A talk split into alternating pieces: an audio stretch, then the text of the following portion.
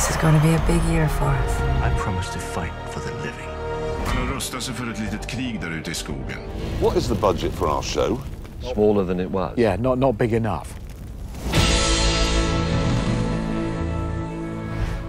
Hej och varmt välkomna igen till Streamingpodden. Den här gången avsnitt nummer tre. Streamingpodden är podcast för dig som är intresserad av streamingteknik och nyheter i området. Det är med mig Jonas Rydholm Birmes som vanligt och Magnus Svensson. Vi är båda från Ivin Technology. Du håller på att packa inför NAB nu Magnus, eller? Det stämmer bra. Jag åker imorgon bitti till Las Vegas så att nu är det sista packningen som gäller. Är du laddad? Jajamän. Det blir kul. Det blir spännande som vanligt. Ja.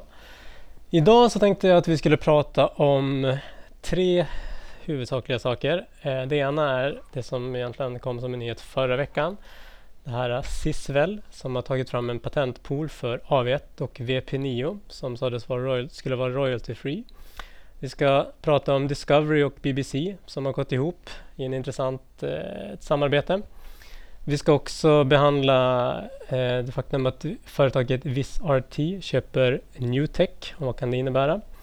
Eh, och sen såg vi också här, det var igår, att eh, Samsung meddelar att de går med i Alliance for Open Media. Eh, så det är vad, vi ska prata om idag. Någonting att tillägga på agendan Magnus? Eller blir det Nej, jag tror att lite av dem kommer smälta in i varandra om vi, vi ska avslöja lite av framtiden. Det låter bra. Men vi gör så här, vi börjar med nyheten om Sisvel, patentpoolen för AV1 och VP9. Och eh, här har vi pratat med en som, som verkligen har tagit reda på hur det här ligger till och det är vår vän Jan Oser. Welcome Jan Oser, author and streaming media consultant to our podcast. Can you give us a summary of what we know so far when it comes to the developing story regarding patent pool for VP9 and AV1 codec? Um, sure. Um, there's a company called Sysval out of Luxembourg who has founded patent pools for both AV1 and VP9, and they are in the in the definition of the pool. The covered products are computers with displays and computers without displays. So, where I guess it's consumer display devices and consumer non-display device. So, consumer display device would be any device that can display video. So that might be a, uh, smartphone, a tablet, a computer, a television, and then consumer non-display devices would be set-top boxes, um, dongles, OTT devices that uh, that don't actually have displays, and the rates are different.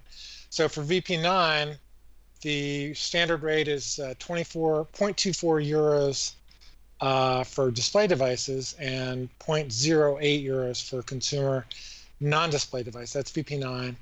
And for AV1, the terms are 0.32 for display devices and 0.11 for non-display devices. So that's AV1.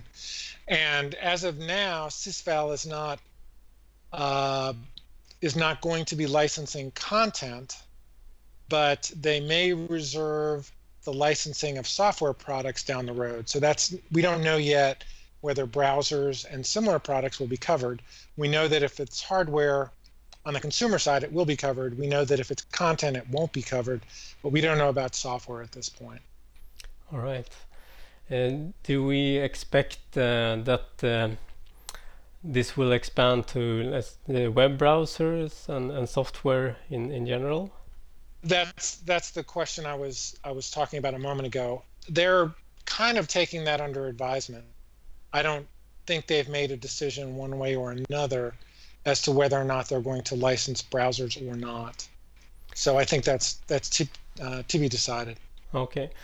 Can you can it be disclosed uh, which uh, which are the members or of this patent pool or or the uh, sort of the yeah. Okay, so when you say the numbers, you mean the identification of patents? Yes. Yes, the so they are currently the, the, the due diligence process that the company went through involved both internal vetting through their own internal engineering staff and then third party vetting via outside attorneys. And they're they're kind of in this place where they're they've got enough verification that they're comfortable launching the pool, but they're still finalizing the verification of all of the patents in the companies that they're representing. So they don't have a list right now, but they hope to publish a list by the end of June. Okay. And do you do you know what companies that uh, they are representing, or is that to be This is- disclosed? No, no, no. They're um, they disclosed that with their initial launch. So this is available in a press release. You can click to in their news and events page, and the companies that they're representing include JVC Kenwood, NTT, Orange, Philips, and Toshiba IPR Solutions. So some pretty substantial companies. The other thing about Sysval, I had never heard of Sysval until the announcement uh, but they've been in business since the early 80s and they have a pretty significant technical presence. So they do they're they're active in a lot of the standards groups. They contribute to some of the standards. Um, they're not just a you know some of the HEVC organizations were formed specifically to represent HEVC technology and this is not an example of that this is a very mature company with uh, some very mature license pools and uh, they've just expanded to VP1 and A, uh, VP9 and AV1 at this point. How do you think this information will be received? I mean, I think that uh, many in the industry have got the perception that AV1 at least, uh, I'm not sure about VP9, but AV1 at least is that it should be, that it was supposed to be royalty free. Uh, do you think that, that this news will uh, uh, sort of have an impact on, on the adoption rate on AV1 at this time?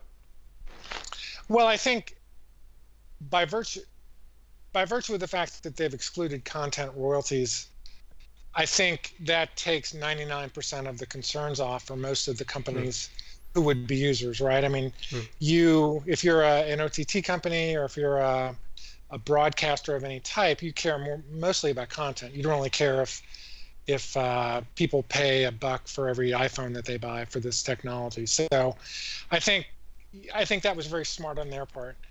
The it was interesting because I, I wrote this article for Streaming Media Magazine and I spoke to an attorney uh, as quoted in the article, and he basically said, anybody. I asked the question. I said, you know, how are you feeling today if you're a technology company who might be subject to these royalties as, as compared to how you felt yesterday when when you thought it was royalty free and he basically said well yesterday you were just unsophisticated because it you know he felt it was highly unlikely that any sophisticated codec could exist without stepping on patent rights of, of, of third parties. So i think and then if you look at some of the comments from some of the articles that i wrote that are available on linkedin i mean one guy one guy basically said you know if, if something has value you're going to pay for it. So that's the you know that's the positive. And and you know the negative is is i'm sh- you know the perception that it was going to be free. But i think i think everybody at least expected a challenge. And now we have at least that. Um, but so i don't i don't i don't think anybody thought it was going to be free in perpetuity for everybody without any kind of legal issues surrounding that and you know now we have a reputable company representing uh, reputable IP groups that are proposing a royalty, and I guess we'll see what happens from there. I think the the only I would say, or not the only, but one of the maybe concerns at this moment, uh, and that's something we talked about in the beginning, is is this um, how it will impact software and, and browsers, because there are there are browser vendors uh, which uh, are smaller uh, compared to Google and Microsoft. Uh, that may feel concerned by by tho- those licensing costs. I would I would guess, um, but uh, well, as you say, for for for other vendors, it's probably expecting that if I'm building this into a display device, that there might be some cost attached to it. That that's right. I th- but you know, I think we, from a the H.264 was was royalty encumbered, and that really didn't stop its utilization by any browser. I mean, famously, Mozilla mm-hmm. never never paid a license, but they're able to get uh, H.264 decode from the operating system typically, or mm. some other some other license. So I think I think we'll I don't know what the company is gonna. I don't know what Sysfell is going to come out in terms of this the, the royalty for software. But I think even if they do decide to go in that direction, it could be that the operating system companies pay, and then everybody else gets to piggyback off that, which is what we saw with H.264. But but they have not yet made that decision, and that was one of the first questions I asked when I spoke with them last week. I think what's what's interesting here is that um, I mean now now now the performance of the codec will will come into a, a, a greater light I think because now uh, let's say you are a smart TV vendor and you want to incorporate it in your chipset it's not about whether it's royalty free uh, versus HEVC it's it's more like which which of this should we have both or should we decide for one? Or what do you think? I think that's a great point because I, what we've seen from some of the early AV1 deployments is that they're not being very aggressive on the encoding side. So the, the videos that YouTube put out that were encoded with AV1 had very high data rates, unsurpri- you know, very surprisingly high data rates. They weren't trying to leverage the savings at all. And the same with the videos that Netflix introduced. So I haven't seen a lot of uh, at scale usage of AV1 period, but the, the what I've seen so far is, has not really been to, to, to push the encoding envelope from a, a quality at data rate perspective. But you know, there's a lot of stuff going on behind the scenes. I think, like Facebook, for example, using AV1 but not really telling anybody because it's all decoded in apps uh, on Android and, and iOS that nobody really sees or, yeah. or, or, knows. So Facebook, I was just looking at some of the numbers uh, today. I think they they said AV1 gave them 46% better performance than VP9. So that's pretty substantial. But and then you know another way of looking at your question is if I'm a hardware engineer for chipset design and I know Netflix, YouTube, Google, Microsoft, uh, Hulu, and Amazon are all supporting AV1, am I not going to put it in a chip because it's going to cost me a buck more for royalties that I'm going to pass along to the consumer anyway? I mean, I don't. I think it's more of a, a market perception than an yeah. absolute performance. And, and at this point, you know, you'd have to be you'd have to be Apple to exclude VP9 decode and you know because they're literally the only company that does it but i think they'll even change that decision now that they're going to be more general purpose thank you for your time jan and uh, talk to you later Jan Oser också meddelade att han kommer faktiskt att jobba åt Sisvel och hjälpa dem i, i, framöver här som konsult. Det är bra att nämna för rent transparensens skull. Eh, men om vi sammanfattar vad han sade då. Jo, han benämner att eh, det kommer inte vara några royalties på content, alltså så att säga, innehållsägaren kommer inte behöva belastas eh, för det här. Eh, nämnde att det ska, kommer inte vara något tak eh, och eh, något som också är intressant att eh, det går inte att utesluta att det kommer att bli royalties på mjukvara, det vill säga ja, webbläsare framför allt. Vad, vad säger vi om det Magnus? Ja, det är ju spännande. Man, man har ju nästan på något vis väntat på det här för att eh, alla har ju pratat om AV1 som ska vara den stora ersättaren till HIVC för att HIVC är fullt upp med patentpooler och det kommer, eh, det har varit en osäkerhet hur mycket man ska betala runt HIVC så på något vis har man haft på känn att det, det var för bra för att vara sant att AV1 skulle klara sig smärtfritt. Men de har ju också samtidigt eh, marknadsfört sig väldigt mycket som eh, den, eh, det royaltyfria alternativet och eh, eh, om, man, om man dragit mycket paralleller med det öppna internet och att det som har gjort internet och tjänsterna på internet framgångsrika har varit att det har inte varit förbundet med, med licenskostnader. Blir inte det här lite grann ett... Eh, känner man sig inte lurad lite grann? Jo, lite grann skulle jag nog säga. Sen får man ju samtidigt eh, säga att det här är ganska tidigt skede och vad jag förstod på när man lyssnade på Jan Åser så, så är det fortfarande inte, de håller fortfarande på att granska de patent som finns. Så att... Ja, han kunde inte uppge riktigt någon eh, lista på patenten än, än så länge fattar jag det som. Nej, och vi ska väl se hur stor del av AV1 som berörs av det här. För vad jag förstår så är den ganska modulär så att det kan ju hända att det kan avhjälpas genom att plocka bort en eller två växlar på, på encodingen. Så. Ja, så vi får väl se. vi ska, vi, vi ska inte dra några jätteslutsatser samtidigt som det inte heller är helt oväntat att detta skulle dyka upp. Men jag tänker också att nu samtidigt med att eh, det är klart att eh, AV1 och VP9 inte då framförallt är royalty-fri som är kanske en USP har varit. Då kommer väl sättas ännu mer fokus tänker jag vad det gäller prestandan mellan HIVC och AV1 eh, mm. när de är likbördiga i övrigt så att säga. Ja, det, det, kommer det givetvis göra och nu helt plötsligt så om man säger att det är 1-1 i patent, patentosäkerhet så är helt plötsligt HIVC i klar ledning igen i och med att de är mycket, mycket mer moget och det finns mycket mer device och hårdvarusupport för det. Så det kan ju hända att HIVC får lite nydaning av det här och det, det, här är ju väl ett av de grejerna som kommer diskuteras en hel del på golvet i Las Vegas skulle jag tro. Mm.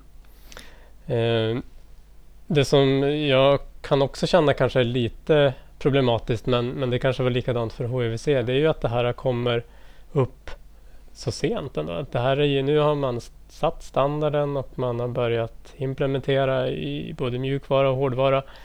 Är det inte lite är det inte ett problem generellt att sånt här kommer fram efteråt och inte redan från början?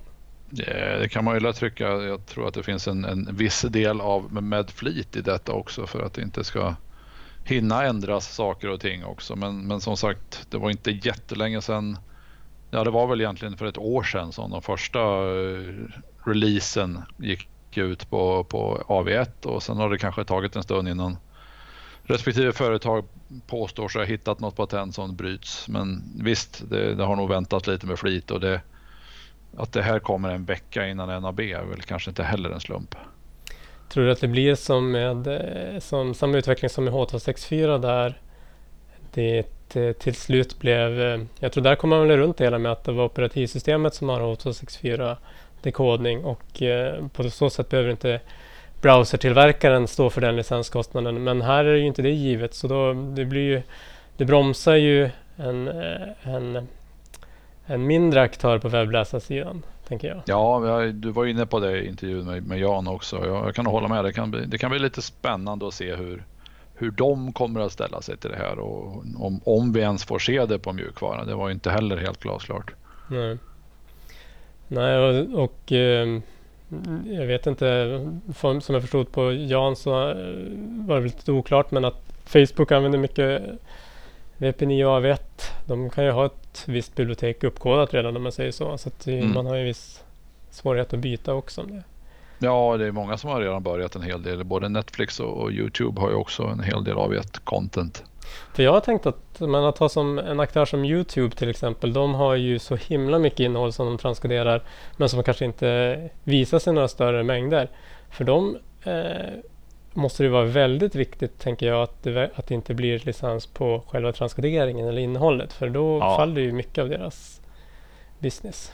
Ja, det gör det ju på de till många. För att, jag tror du nämnde det i intervjun också, att det som för device-tillverkarna så visst, det, det, kommer komma en licenskostnad på, men det kanske går att hantera. Men kommer det på content, ja, då stoppar det ju till exempel sådana som Youtube som du säger, att det är som vem som helst laddar upp och ska det då komma en licens på det så kommer det bli en helt annan businessmodell. Det är nog smart av SIS väl att inte dra det kortet från början i alla fall för då, då hade nog eh, de fått ett ganska stort motstånd direkt av en sån aktör som har ett ganska stort bibliotek och har ganska stora muskler i sammanhanget. Ja, jag tror inte man ska bråka med varken Google eller Netflix i det här läget eller för den delen eh, Apple som faktiskt är med i Alliance of Open Media. Ja, sen hur de är med, det, det är lite för mig i alla fall oklart. Men de står ju med där, det gör de ju. Ja, det gör de definitivt. En annan som har gått med i Alliance for Open Media som vi nämnde här i inledningen, det är ju Samsung. Mm, det var en intressant utveckling och, och, för att återknyta till patentpoolen så, så förstod jag från Jan Åser och även på deras hemsida att Philips är då med i den här patentpoolen istället. Vilket kommer bli intressant. Jag trodde ju att eh, först när jag läste att Samsung gick med att de andra smart-tv-tillverkarna skulle följa LG och Philips men nu sitter Philips plötsligt och, och claimar patent på, på grejerna. Okej, okay, så Philips är med i Sisvel? Japp. Ja, det blir spännande. Och, och Samsung nu gick med som en helt plötsligt founding member of Alliance Open Media. Jag har inte riktigt förstått den. Det handlar om hur mycket de betalar tror jag. Ja, jag tror att det är mer en betalning än man får räkna som founding. Ja. Men de, Samsung de har ju... påstår ju i sina pressreleaser att de ska ge sig på att eh, att eh, vara med och standardisera AV1 och, plocka, och, Mm. och optimera det. Mm. Men Samsung har ju också patent i, i HVC, Mm. någon av polarna, eller hur? Ja, de är, med, de är till och med den största patentägaren eller patenträttsägaren på HIVC. De har 11 procent av alla HIVC-patent. Så Mm. de, ger sig, de kör med dubbla kort här nu. Det känns ju som att, eh, ja, ja, nej, det är som sagt det är en, en spännande kamp, eller vad man ska säga det. Men samtidigt så får man väl vara, det kanske är naivt att tänka sig att det ska, skulle vara en helt royaltyfri eh, kodek, men även om det, det klingar väldigt trevligt i i open source community till exempel och alla mindre aktörer som verkar på internet. Eh, Det är väl tyvärr så att sådana här saker gör ju svårare för, för små bolag och startups att faktiskt kanske komma igång om man inte Ja. har Nu, om de stannar vid den här, vad de har gjort nu, så är det ju relativt smidigt ändå för startups och sådana saker om inte de börjar bygga device. Mm, det är sant. Jag tror vi lämnar det ämnet nu eh, och går vidare till nästa eh, nyhet där vi fick läsa förra veckan om Discovery Networks och BBC som faktiskt går ihop och gör en gemensam sak. Vad handlar det om Magnus? Kan du förklara? Det var egentligen två saker som hände där. Dels har ju BBC och Discovery tillsammans ägt ett, en, en, en plattform som heter UK TV. En broadcaster egentligen som har varit gemensamt ägt av BBC och, och Discovery. Så det första de gjorde var att dela upp dessa kanaler mellan sig så att de tog en, en, en, skutt var av dessa kanaler och delade upp dem så att jag tror att UK TV nu kommer att dissolved. Så tolkade jag det i alla fall. Och att BBC kommer fortsätta med några av de här kanalerna som, som ingick i UK TV och Discovery fortsätter med några. Samt att den andra delen av uppgörelsen var att även att Discovery får tillgång till Nature History-kanalerna från, från eh, BBC. De kommer snurra på deras SVOD-tjänst. Mm. Men kommer de att gå ihop och göra någon gemensam eh, tjänst kring det här också eller? Jag vet inte, det är lite oklart exakt vad de kommer göra men det lät som att, att för vi har ju sen BBC är ju sen med i det här samarbetet med ITV som heter Britbox. Mm. där de har en gemensam plattform. Så att BBC verkar ju försöka nå ut med content på en hel del olika gemensamma plattformar. Och det är en av mina spaningar framöver att vi kommer se mycket, mycket mer av de här samarbetena med gemensamma plattformar medan man kommer med sitt unika content in i dem. För att teknologin är inte den stora differentiatorn längre utan det är ju content. Så att vi kommer se mycket av, av jag tror vi kommer se mycket av eh, sådana här gemensamma plattformar både i, i, i, i, samma länder men även cross-plattform. Så Britbox är ju ett exempel och nu, nu har Discovery och, och BBC haft en tillsammans. Nu splittar de upp det lite men ändå fortsätter ett samarbete. Just det. Och eh, jag ser framför mig att man i det här sammanhanget med den typen av content som det då handlar om skulle ju kunna bygga en en, eh, en, en nischad streamingtjänst på ja, Planet Earth och naturinnehåll egentligen. Mm. Eh, Och sen är det ju ingenting vad jag förstår som hindrar att, att de sen bjuder in ytterligare contentleverantörer på denna plattform heller. Mm. Just det. Ja, det är den nya formen av kanalprogrammering egentligen. Man samlar Mm. content på det sättet. Det var intressant att de, jag, jag tror att här UK TV måste jag faktiskt erkänna att jag inte riktigt tänkt med. Det är någonting som har, det är en kvarleva från, jag tror det var från början på 90-talet. När, de, när det var BBC och Thames Television som gick ihop och sen Ja, har Discovery då köpt upp det på vägen. Mm. Så att det var väl en, en kvarleva som kanske inte riktigt, riktigt får, får leva kvar längre. Men Mm jag vet inte om den, vem som är den stora vinnaren här egentligen. Det är väl fort, jag tror fortfarande all playout på det här har varit Red Bee Media så de kanske har fått två företag att, att köra playout till istället. Ja. ja, men det blir intressant att se vad som händer där.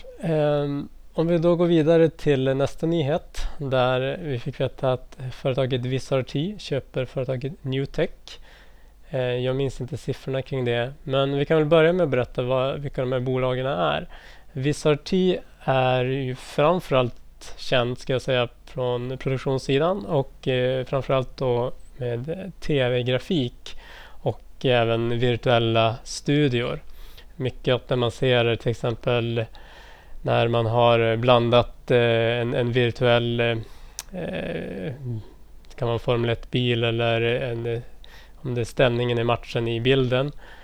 Eh, I studion, mycket av den typen av teknologi har Visorti. Eh, de gör mycket andra saker också men jag ska säga att det är väl där de är framträdande. Newtech å andra sidan kommer från live-produktionshållet. Eh, mjuk, eller, verktyg och mjukvaror för, för alla olika nivåer, bildmixning och produ produktion. Eh, Newtech är också eh, en av ska säga, upphovsmakarna till, till en standard som heter NDI. Och NDI är eh, en standard för eh, produktion, IP-baserad produktion kan vi säga. Det vill säga hur du skickar icke-komprimerad video mellan olika sajter och gör det möjligt att till exempel ha eh, bara kameror och eh, kameramän på, på plats på sajten och sen så har du själva produktionen och bildproducenten och eh, de övriga eh, hemma i, i centralt helt enkelt. Vi har exempel på, på senast här i Sverige produktionen med eh, eh i VM från Åre. Nu tror jag inte, jag vet inte om det var NDI som användes i det fallet. Det, det har jag inte insikt i. Men den typen av, av applikation Inom Remote IP Production så finns det egentligen två standarder. Ena är NDI då, som är eh, Mutex och eh, proprietär i mångt och mycket. Men sen så har vi också en, en öppen SEMT-standard 2110 som eh, har hållits på ett tag. Eh, hur långt den har kommit vet jag faktiskt inte exakt. Men, men ibland, däribland så handlar det handlar egentligen om, om samma sak kunna skicka icke-komprimerad video eh, i synk. Ersätta SDI-kabeln kan man säga. Ehm, men det här är intressant tänker jag att Visarti går in och eh, får en väldigt stor del i eh, Remote IP Production-biten. Som de inte har haft tidigare. Kan det vara strategin? Definitivt, men, men du kan teknologin bättre än mig men är inte NDI också till viss del komprimerat till skillnad från, från 2110? Så att den kräver klart mindre bandbredd som jag har förstått det än vad 2110 kommer att göra. Ja, det har du rätt i. Eh, RFC 41, 4715 i, SM, i SMT 2110 är ju vad jag har förstått i princip okomprimerat över RTP. Men mm. eh, ja, okej, okay, så NDI har, det har någon form av kom kompression och det är klart att det kanske man måste för det blir väldigt mycket det blir mycket data annars. Ja, jag skulle tro att det är som kan du, kan du hålla dig till, till en gigabit istället för att behöva 10 gigs kort och sådana saker på din ena ände så har du ju förenklat väldigt mycket när du sitter ute på fält. Men eh, jag är lite dåligt insatt exakt men jag vet att i alla fall NDI är mycket mer effektivt vad det gäller överföringen. Mm. Ja, det blir intressant att se hur utvecklingen för SMT 2110 går framåt där också. För det är väl än så länge så behövs det kanske för att kunna göra den typen av remote production möjligt. IP-produktion eh, on-prem är kanske en annan sak där du har det blir väldigt likt egentligen. Du byter ut den gröna SD-kabeln till en grå internetkabel mm, snarare. Den skillnaden. Men, men om man ska kunna producera hemifrån eller om man ska så, dra riktigt extremfallet då, då behöver vi någon form av kompression. Mm. Och det är mycket möjligt nu. Nu är jag lite dåligt insatt i standardisering runt 2110 om det kanske till och med finns möjlighet med kompression eller att de jobbar på det. Men någon mm. form av kompression tror jag kan underlätta om du är ute på fält och nu tror jag, nu vet inte jag heller hur SVT gjorde men min gissning är 2110. Men, mm. Och då har de ju säkert en bra överföring och, och sådana saker. Så att, men allting hänger på hur remote du sitter med din inspelning. Mm. Men om vi är tillbaka till Wizard, Wizard 10 och, och, och Neotech, ja, jag har faktiskt svårt att se vad, vad de kommer över bra teknologi. Nu har väl, nu har väl NDI varit öppet. Kommer det fortfarande att vara det efter det här? Det vet man inte. Mm. Ja, det har ju varit öppet på så sätt att man kan, har kunnat ladda ner deras SDK Eh, men, men, eh, och det finns stöd för den i, på alla möjliga operativsystem. Men det är vad jag förstått ändå en, en binär bibliotek som du stoppar in. Så det är inte open source på samma sätt som Hivisions SDK för SRT till exempel om man ska dra den jämförelsen. Nej exakt, men det är fortfarande bara öppet och, och vad jag förstår så det kan ju, med sådana här uppköp så kan ju sådana saker förändras. Jag har svårt att tro det för då skulle de på något vis stänga den dörren tror jag. Det, det, då tappar man väl mycket av marknaden också om man gör en sån sak så det känns mm. svårt. Men det känns ja. inte... Eh, men det blir väldigt, väldigt intressant att se vad som, vad som händer där. Det, det blir ju eh, en, en, en större aktör på den sidan får man väl säga. Ja, definitivt. Och vi får väl nosa mer information när vi går runt på mässgolvet på NAB. För jag tror att IP och Remote Production kommer att ha en stor, stor fokus på, på NAB och, och i framtiden. Så att det här var ett, kanske ett intressant steg och ett väldigt strategiskt smart steg för Wizard skulle jag tro. Jag tycker det är intressant hur långt man kan dra det här. Nu, alltså hur, hur mycket kan det komprimera och ändå ha tillräckligt god kvalitet för att kunna göra en produktion Eh, men med fördelen att du verkligen kan köra eh, så att säga eh, remote eh, och utan att det kanske behöver vara, var de högsta bandbredderna tillgängliga. Det tycker jag vore ändå intressant. Eh, det kanske inte är lämpligt för alla produktioner men för en viss typ av produktioner kan ju det vara finnas ett relevant case för. Mm. Ja, ja, definitivt. Nej, jag, jag, tror, jag tror att remote och, och IP production framöver blir och framförallt att automatisera hela flödena mm. kommer vara väldigt viktigt för att, för att hänga med i utvecklingen. Ja, kanske blir eh, 4K-kameror med automatisk inzoomning för att spela in på en fotbollsmatch till exempel som du kan ha placerat på säg division 3-matcher eller någonting sånt där. Har du mm. placerat och sen så, så producerar du allting från, från ett ställe. Mm. Det kan ju vara ett an användningsområde. Ja men det får vi, det får vi se. Eh, och som sagt var nästa vecka får vi gå, gå och kika på, på NAB och se vad, vad, vad de har kring det där. Och eh, vi hade tänkt se om vi hinner spela in ett litet kort avsnitt eh, från NAB eh, med fokus på vad vi vad våra eh, ska jag säga det vi tagit till oss av att vara där. Eh, någon gång under nästa vecka får vi se om vi får till det. Och eh, med det vill jag vill vi tacka er som lyssnat och eh, hoppas att ni lyssnar på nästa avsnitt. Eh, ni behöver bara välja att subscribe eller prenumerera på den här podcasten så får ni ett meddelande när ett nytt avsnitt ligger ute. Eh, och då får, väl, får jag önska dig Magnus trevlig flygtur imorgon. Själv ska jag sätta mig på planet på söndag. Och sen ja, så detsamma, detsamma. ses vi i, på andra sidan jordklotet helt enkelt. Det gör vi. Och tack allihopa. Tack, hej då.